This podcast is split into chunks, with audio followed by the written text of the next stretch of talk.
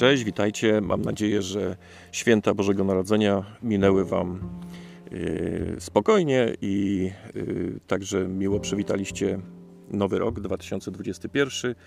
Jak to podkreśla wiele osób, ja również się do nich dołączam. Uważam, że nie może być gorszy od 2020, przynajmniej jeżeli chodzi o, o jakąś tam niepewność, która, którą y, no, wprowadzili, wprowadziły osoby Y, zajmujące się pokonywaniem y, pandemii, y, z którą się borykamy od, od wiosny. Dzisiaj chciałbym zrobić coś troszeczkę innego niż zwykle. Przeczytam Wam artykuł, który chciałbym dzisiaj opublikować na swoim blogu. Tak więc możecie go albo sobie przeczytać, albo tutaj go wysłuchać. Wszystko jedno.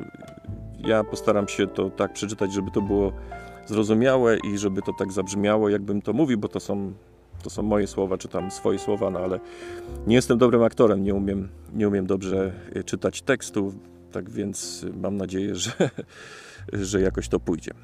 No to zaczynam. Zbiór zapisków starożytnych proroków żydowskich i jednego z plemienia Lewiego, chodzi o Mojżesza, zwany Biblią lub Pismem Świętym, stanowi niemały tom. Jego rozmiar nie odstrasza jednak chrześcijan. W USA na przykład żadna inna księga nie sprzedała się w tak ogromnych nakładach jak właśnie Biblia. Księga Mormona od prawie y, dwóch dekad y, zajmuje drugie miejsce. Mimo to niewiele osób może się uczciwie pochwalić, że przeczytali ją y, w całości. Jakby tego było mało, po przywróceniu swojego kościoła w 1830 roku Bóg dał nam dodatkowe natchnione księgi. Obecnie do kanonu Pism Świętych oprócz Biblii zalicza się także Księgę Mormona, Księgę Doktryna i Przymierza oraz Perłę Wielkiej Wartości, zawierającą zarówno starożytne, jak i nowożytne zapiski proroków Boga. Nowe z naszego punktu widzenia Pisma Święte są dla każdego miłośnika prawdy wielkim błogosławieństwem. Nie ma w Królestwie Boga lęku przed prawdą, nawet jeśli zmusza ona czasem do zweryfikowania swoich dotychczasowych przekonań.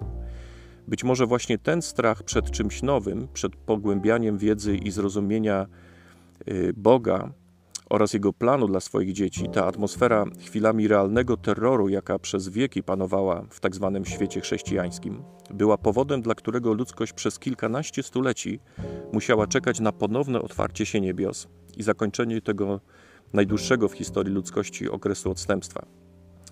Trudno y, wyobrazić sobie założenie Kościoła Jezusa Chrystusa Świętych Dnia Ostatnich bez poprzedzającego to wydarzenie oświecenia, z jego atmosferą fascynacji prawdą, rozwojem nauki, otwarciem na nowe idee, na wolność sumienia, y, rozważenie nowych wyjaśnień znanych zjawisk, na przykład astronomicznych.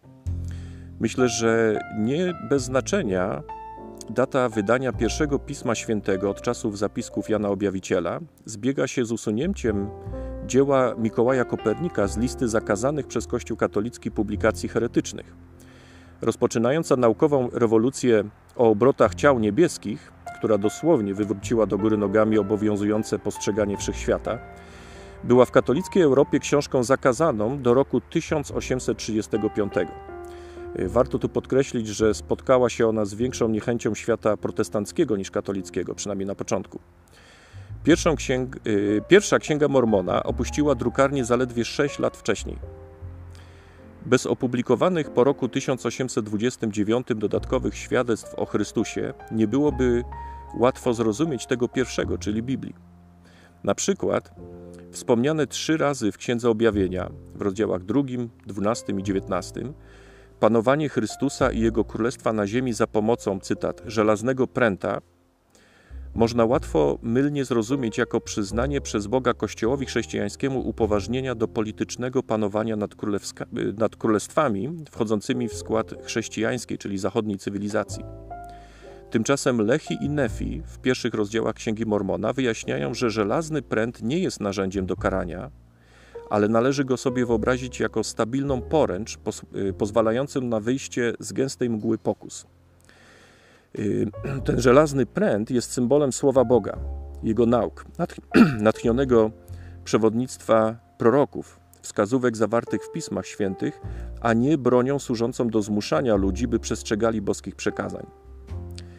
Podczas okresu Wielkiego Odstępstwa chrześcijanie byli zachęcani, zniechęcani do studiowania Biblii. Jej treść dostępna była tylko dla wtajemniczonych posiadaczy dyplomów seminariów duchownych. Do jej studiowania niezbędna była znajomość łaciny wykładanej właśnie w uczelniach dla przyszłych kapłanów. Kościół Jezusa Chrystusa Świętych Dnia Ostatnich nie tylko publikuje wspomniane cztery Pisma Święte, ale nieprzerwanie zachęca świętych do ich wgłębnego studiowania. Zapisane w V wieku przed naszą erą słowa proroka Nefiego nadal są aktualne. Na pytanie, co powinny y, robić osoby nawrócone po przyjęciu chrztu, Nefi odpowiada, że powinni dążyć naprzód w Chrystusie, mając doskonałą jasność nadziei i miłość do Boga oraz wszystkich ludzi. Następnie daje wspaniałą obietnicę. Jeśli więc będziecie dążyć naprzód, delektując się słowem Chrystusa i wytrwacie do końca, oto tak mówi Ojciec: będziecie mieli życie wieczne. Y, jest to fragment, y, który można znaleźć w drugiej księdze Nefiego, w 31 rozdziale, w 20 wersecie. Dążenie naprzód w Chrystusie, które nie jest możliwe bez wiary w Niego, posiadanie nadziei i miłości, Nefi zdaje się uzależniać od studiowania Pism Świętych. Nie pisze on tu nawet o czytaniu, nie używa słowa studiowanie, ale mówi o delektowaniu się Słowem Chrystusa. Niewątpliwie Słowo Chrystusa Słowa Chrystusa nie ograniczają się jedynie do oficjalnego, ustanowionego kanonu czterech Pism Świętych. Wierzymy przecież w współczesne objawienia.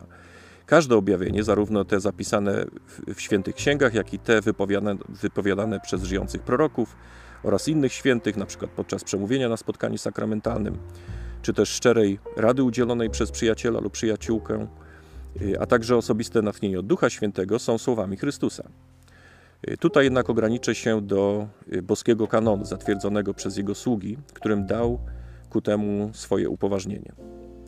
W języku angielskim oprócz słowa canon, czyli kanon, używa się też określenia standard works. Biblia, Księga Mormona, Doktryna i Przymierza i Perła Wielkiej Wartości są dziełami stanowiącymi standard, według którego możemy odmierzać prawdziwość słów, idei, nauk, filozofii i wszelkich ludzkich pomysłów. Nawet prezydenci Kościoła Jezusa Chrystusa nieraz podkreślali, że są oni prorokami tylko wtedy, kiedy przemawiają pod wpływem Ducha Świętego. Dlatego ich słowa należy odmierzać miarą zatwierdzanego kanonu. Inaczej mówiąc, nie ma takiej możliwości, żeby Duch Święty objawił dzisiaj coś, co nie jest w harmonii z tym, co objawił wczoraj. To chyba jasne. Oczywiście trzeba z tym bardzo uważać, bo w przeciwieństwie do innych kościołów chrześcijańskich nie jesteśmy zainteresowani odrzucaniem natchnionych słów kogokolwiek, tylko dlatego, że nie są one zgodne nie tyle z tym czy innym wersetem biblijnym, co z naszą czy czyjąś interpretacją tego wersetu. Jest to bardzo niebezpieczna praktyka. To właśnie przez nią starożytni faryzeusze nie zauważyli, że przybywający pośród nich przez trzy lata kontrowersyjny nauczyciel jest Mesjaszem, którego przyjścia spodziewali się y, w ich czasach, według całkiem dokładnego terminu danego przez proroka Daniela. Pisma święte są więc standardem, według którego sami żyjący prorocy ważą swoje myśli, pomysły i słowa, zanim je wypowiadają publicznie. Możemy więc spokojnie poświęcać im swoją uwagę. Nie ma wątpliwości, że nasz Ojciec oczekuje od nas codziennej praktyki osobistego i grupowego, przykład rodzinnego, studiowania Pism Świętych. Ale tych tekstów jest tak wiele, że nie wiadomo od czego zacząć. Ile czasu powinniśmy poświęcić na delektowanie się Słowem? Do niedawna odpowiedź na to pytanie nie była łatwa. Ja na przykład y, nieraz zastanawiałem się, czy właściwą rzeczą jest kolejne rozpoczęcie lektury Księgi Mormona, podczas gdy minęło już wiele lat, odkąd przeczytałem cały Nowy Testament, nie mówiąc już o Starym. Współcześni prorocy przychodzą nam z pomocą. Kilka lat temu wprowadzili oni praktykę skupiania swoich y, studiów na jednej księdze w ciągu roku. W zeszłym na przykład studiowaliśmy Księgę Mormona. Na początku roku 2020 otrzymaliśmy publikację zawierającą 52 rozdziały, po jednym na każdy tydzień. Mogliśmy więc podczas tygodnia czytać poszczególne rozdziały, posiłkując się komentarzami współczesnych proroków, studiować je z dziećmi przed poranną lub wieczorną modlitwą rodzinną, a w niedzielę dzielić się swoimi odkryciami z członkami y, naszych kongregacji. We wcześniejszych latach oczywiście skupialiśmy się na Starym, y, później na Nowym Testamencie. Rok 2021 należy do historii Kościoła oraz objawień otrzymanych przez proroka Józefa Smyta i też kilku innych, które trafiły do Księgi Doktryna i Przymierza. Y, Jeśli kiedykolwiek, y, jak ja przed spotkaniem, przed pierwszym spotkaniem z misjonarzami, zazdrościłeś starożytnym chrześcijanom, że urodzili się tak blisko czasów, w których żył Jezus oraz apostołowie i dawał im nowe objawienia, w tym roku możesz się poczuć tak, jak oni się czuli podczas studiowania współczesnego dla nich Nowego Testamentu. Delektujmy się więc Słowem Chrystusa, bo jest smaczne. Nie ma zresztą innej drogi, przez którą moglibyśmy być zbawieni, o czym Nefi wspomina w 21 wersecie 31 rozdziału. I y, jak słyszycie, fajerwerki potwierdzają tutaj, że to jest, to jest punkt kulminacyjny tego, tego rozdziału. Dziękuję Wam bardzo y, za uwagę i życzę Wam szczęśliwego roku 2021. Trzymajcie się, cześć.